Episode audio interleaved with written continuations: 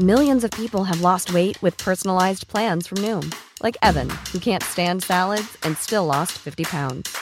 Salads, generally, for most people, are the easy button, right? For me, that wasn't an option. I never really was a salad guy. That's just not who I am. But Noom worked for me. Get your personalized plan today at Noom.com. Real Noom user compensated to provide their story. In four weeks, the typical Noom user can expect to lose one to two pounds per week. Individual results may vary.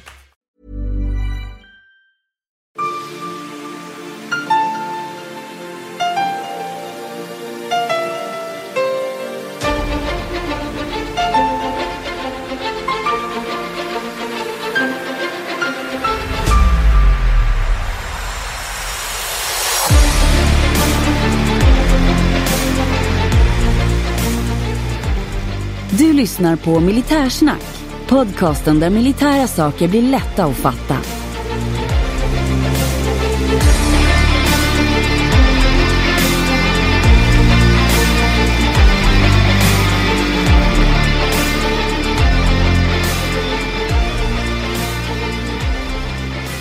Jajamän, då är det stora nöjet att välkomna er till avsnitt 11 som handlar om ingenjörstrupperna.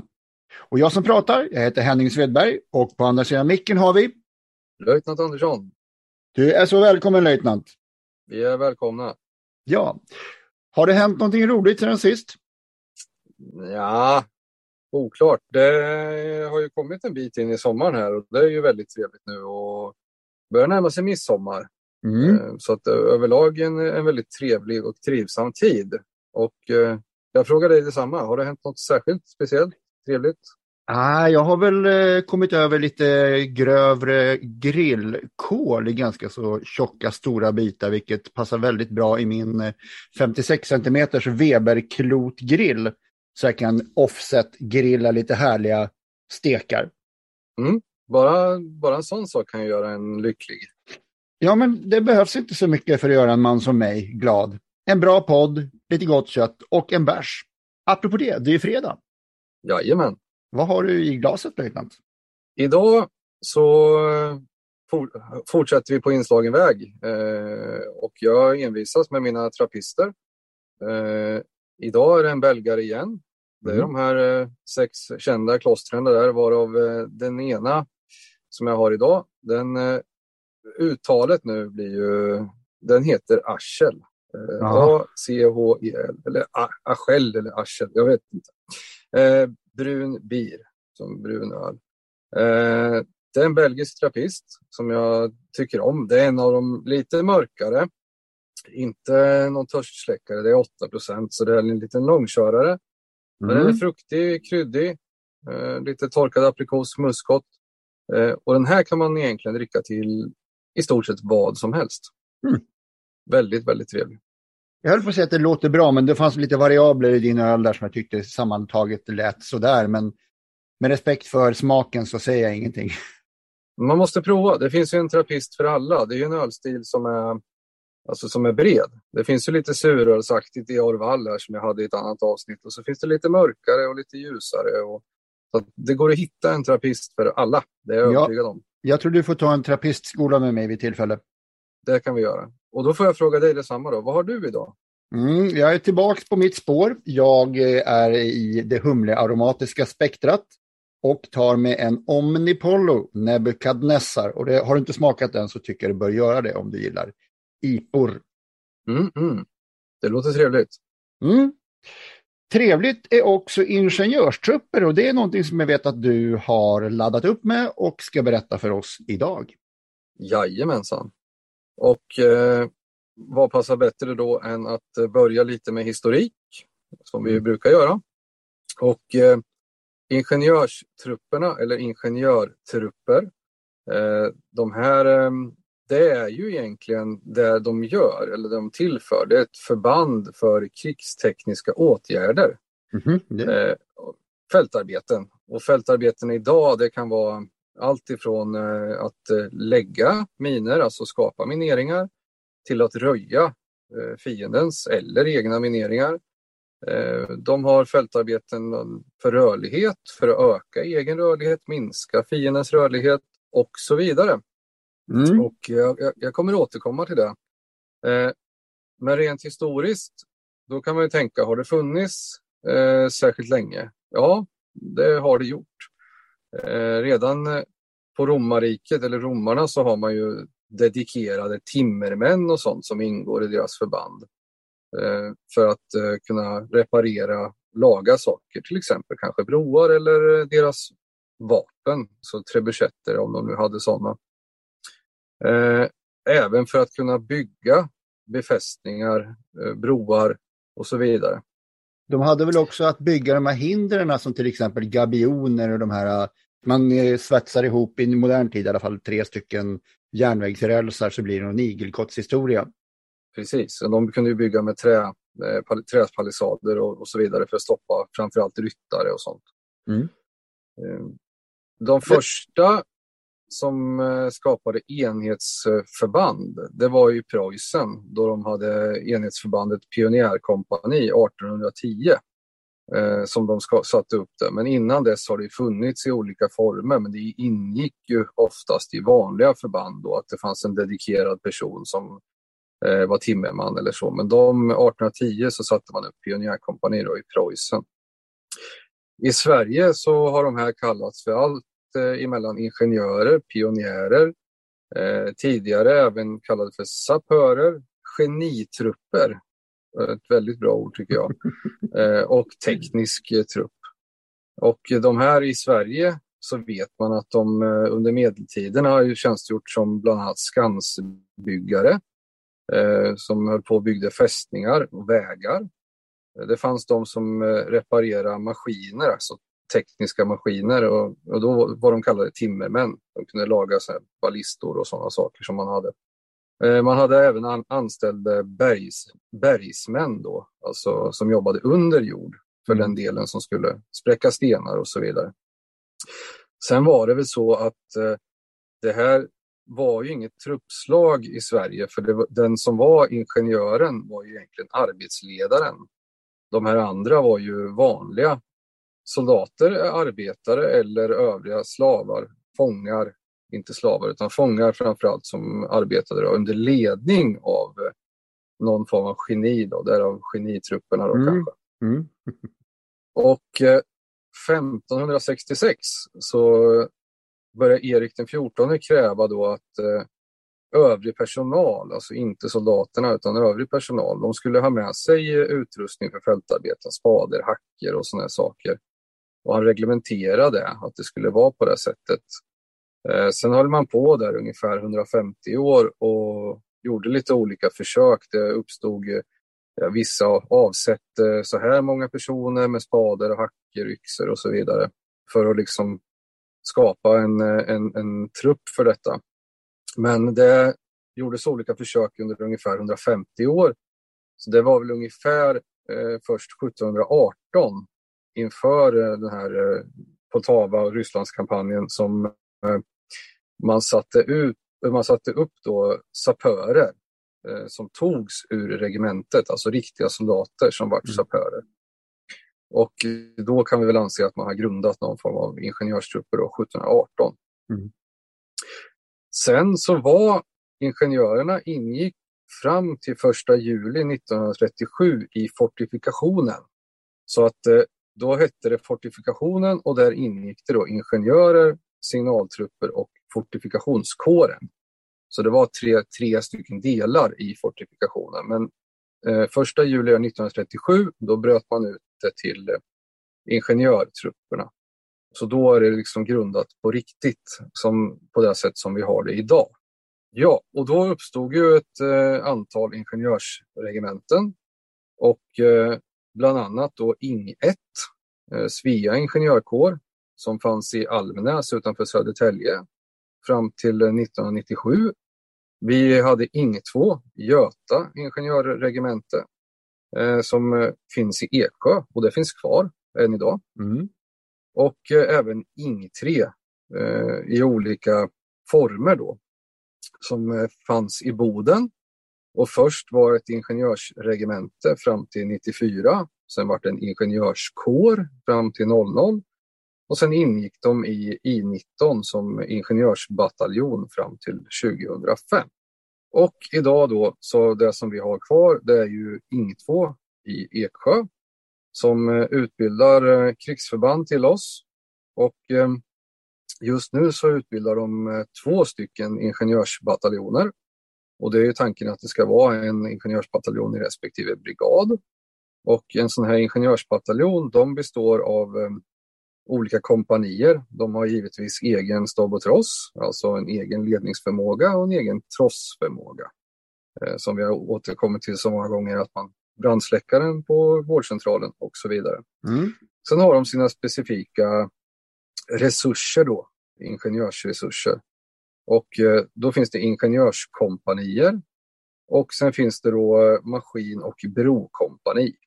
Och de här soldaterna är givetvis soldater som är ingenjörer, för de sitter inte och rullar tummarna tills det är dags att dra ut en bro eller lägga minor.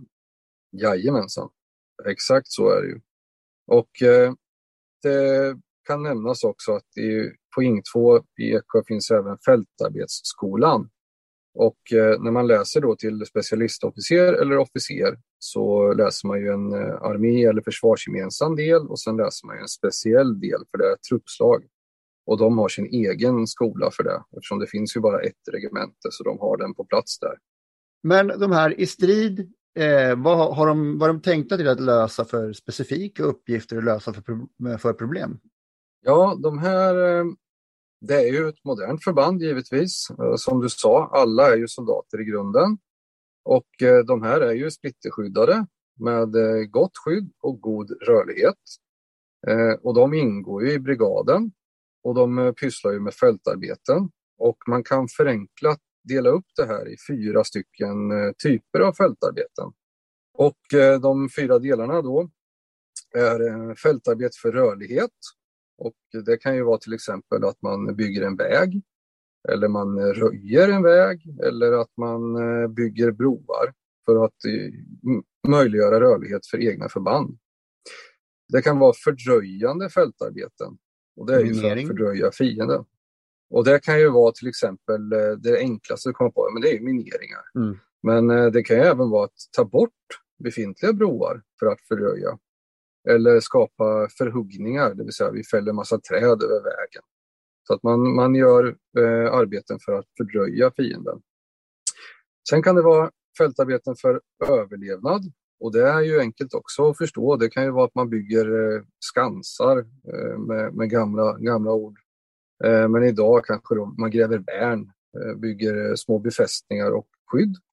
Och sen har de övriga fältarbeten och det är för att täcka in allt som inte är för rörlighet, fördröjning eller överlevnad.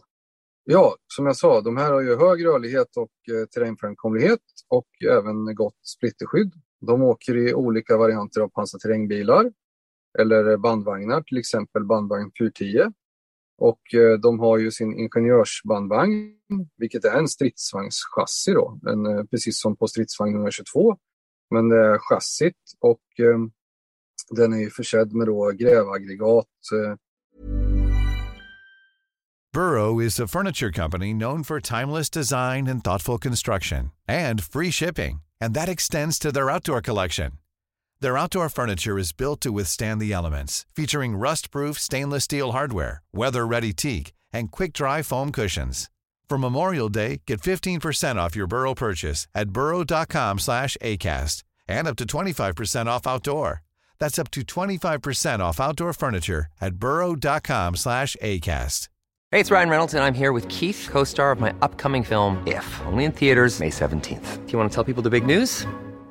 All right, I'll do it. Sign up now and you'll get unlimited for $15 a month in six months of Paramount Plus Essential Plan on us. Mintmobile.com slash switch. Upfront payment of $45 equivalent to $15 per month. Unlimited over 40 gigabytes per month. Face lower speeds. Videos at 480p. Active Mint customers by 531.24 get six months of Paramount Plus Essential Plan. Auto renews after six months. Offer ends May 31st, 2024. Separate Paramount Plus registration required. Terms and conditions apply if rated PG.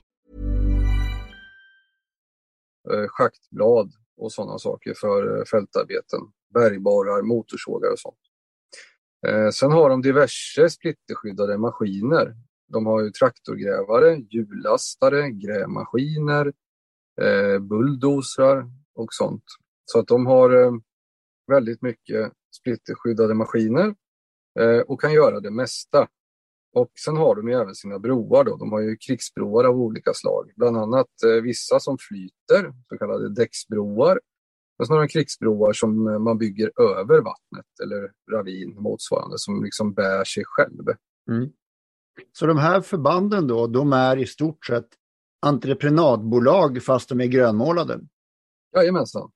Och eh, med tillägget då att de är duktiga, väldigt duktiga på att eh, spränga saker, minera och röja miner. Civilt finns det ju dugliga sprängare, men just mineringsbiten och att applicera de här entreprenadarbetena stridstekniskt under de svåra förhållandena är ju de här experter på. Mm. Plus att de är soldater. Börjes eh, asfalt och minering skulle kanske inte vara så lyckat då? Nej, det rimmar lite illa i alla fall eh, i, i djupaste fred. Vad gör de här förbanden i fredstid? Vad hjälper de till med för, för uppgifter om det skulle vara några samhällskriser?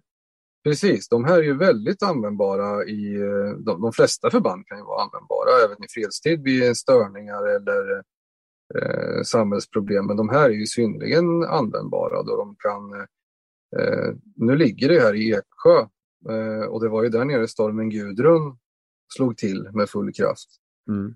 Eh, för många år sedan. Och de här är ju väldigt användbara. Eh, vanliga förband, till exempel ett stridsvagnskompani eller ett pansarskyttekompani, de har ju också viss kompetens med motorsågning och sådana här saker, men de här har ju som huvudsyssla. Och de har ju väldigt många, både dels utbildad personal och maskiner för att eh, göra vägar, röja vägar och så vidare. Så de här är ju högst användbara vid de flesta störningar, det vill säga i och med att de kan eh, under väldigt svåra förhållanden utan liksom, stöd från resten av samhället lösa sådana här uppgifter. Då. Att eh, röja en väg efter en storm till exempel eller eh, sätta upp en tillfällig bro över en, eh, en, en kanal eller en å eller så vidare. Så att de är mm. väldigt, mm. väldigt användbara. Mm. Deras eh, motto här, Ing 2s motto eller slagord, motto. Jag ska inte försöka mig på att säga det på latin, men på svenska blir det jag ska finna en väg eller skapa en. Och det tycker ja. jag är väldigt eh, kärnfullt och det säger lite grann vad de pysslar med. Mm. Jag kan gissa att de här trupperna åtnjuter en viss låg prioritering för fientlig särskild insats. Vad jag menar alltså att det är väl ofta som man till exempel vill slå ut chefer och kockar, men just ingenjörstrupper kanske inte är någonting som man just sätter in särskilda insatser emot. Det beror på lite grann. Allt som är en bristvara och är special, och det gäller ju även på, um, på, en an, alltså även på annan nivå. Om vi tar då ett, eh, ett pansarskyttekompani till exempel, eh, så finns det ju en mängd stridsfordon, eh, men så finns det en bärgare, möjligen två. Och de här är ju alltid prioriterade mål. Om, mm. om de inte är farliga för dig just då, ett stridsfordon som är farligt för dig måste du eh, ta hand om först. Men eh, har du möjligheten att slå ut ett funktionsfordon så gör man i regel det. Mm. Och eh, ingenjörstrupperna är ju på så sätt en mumsbit och det handlar ju om numerär egentligen. Det finns väldigt få broar om man jämför med infanterister. Och kan du då ta bort en av dem så har du ställt till problem för rörligheten. Så att, eh, jag skulle säga att de är, ett, eh, de är en mumsbit, precis som alla funktionsförband är därför är det så viktigt det här som jag understryker att de är soldater och eh, de måste kunna skydda sin egen verksamhet. Annars kunde vi ringa, vad heter det, Börjes ved och minering? Eller grus, och asfalt och miner. Ja. ja. Så är det. Men Börje har ingen, eh, ingen, eh, ingen M90 och han kan inte försvara sig själv.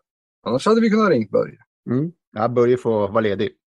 Börje får vara ledig. Han kan dock gå med hemvärnet tycker jag. Mm. Jag håller med om. Där hans kompetens kommer komma till nytta.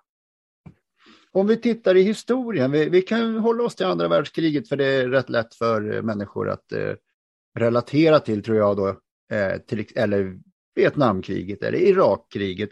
Har du någon speciell sån där bara att här var en jättebragd som ingenjörstrupperna genomförde i de krigen? Jag tänker på en sak. Det är den här jätte jätte, jätte, jätte sprängningen under första världskriget.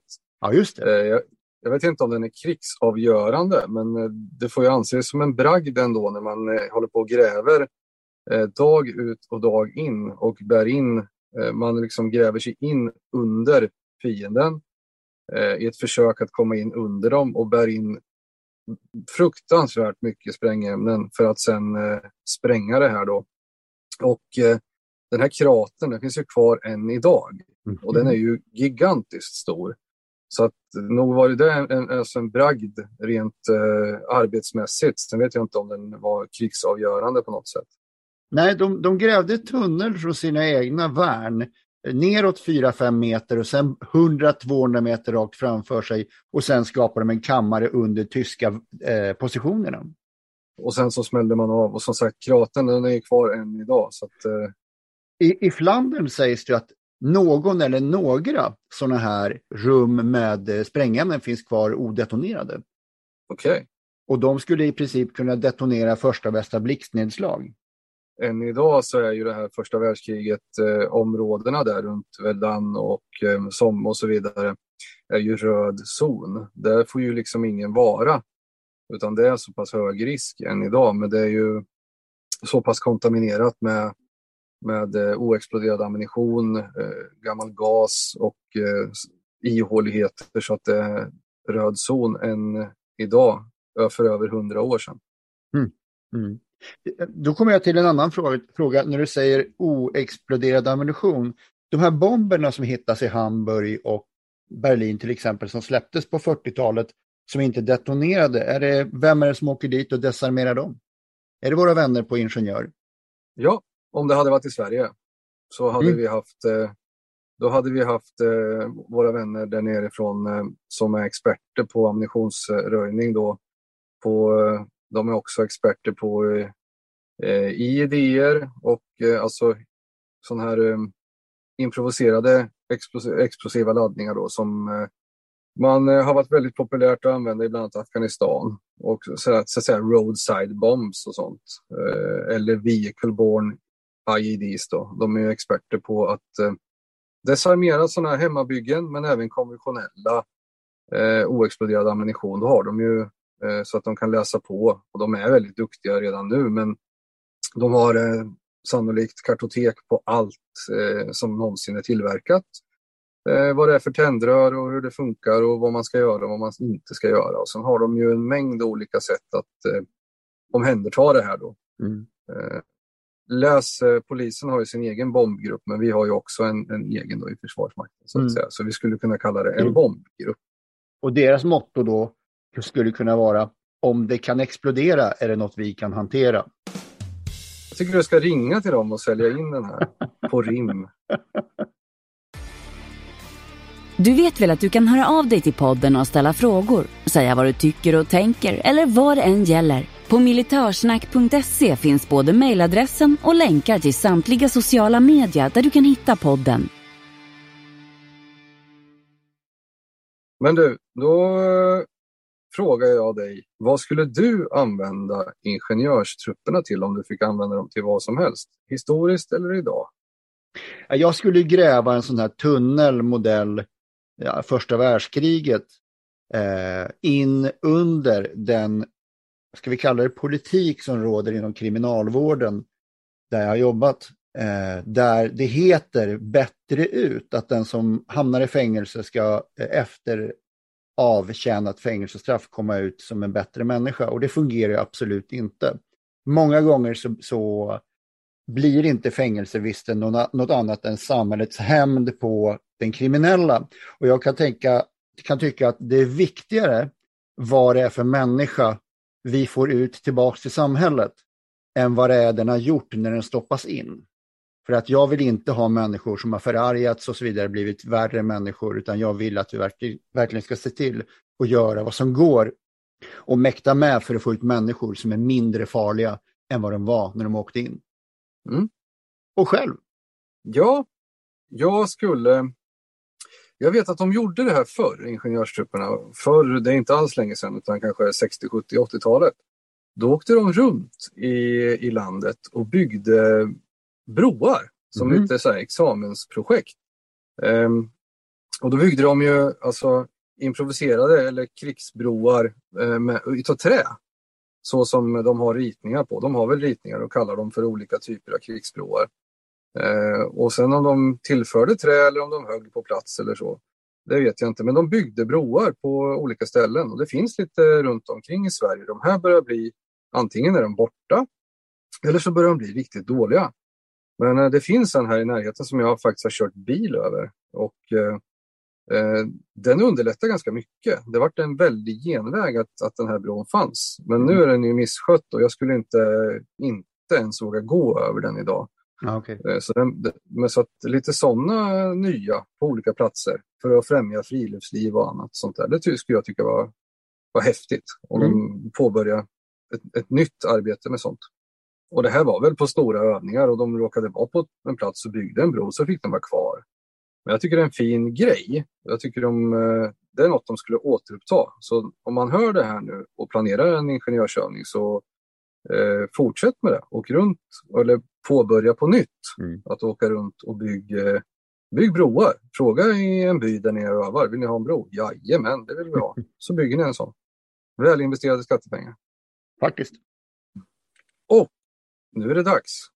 Då ska du få läsa högt om eh, dagens datum eller veckans datum. Och idag Mm. sitter vi här då fredag den 17 juni.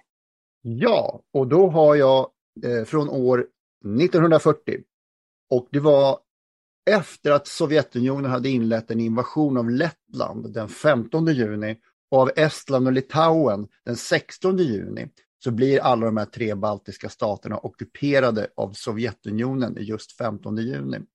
Och under sommaren slår Röda armén ner motståndet i Baltikum och i augusti så utropas de tre staterna som Sovjetrepubliker. Men även om tyskarna invaderar och befriar dem, så att säga, året därpå så ockuperas de på nytt av Sovjet 1944 och förblir sedan Sovjetrepubliker ända till 1991. Mm.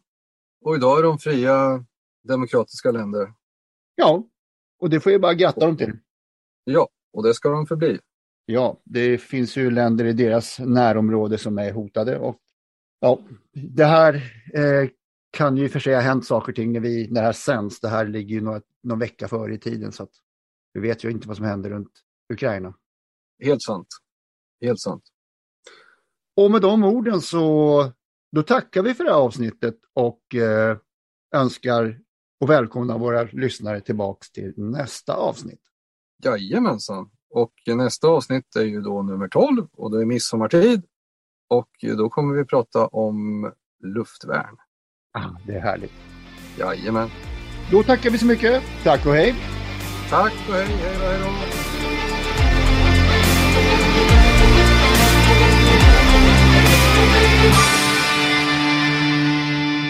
Glöm inte att gilla, dela och gärna prata om vår podd med de vänner du tror skulle gilla den. Tack!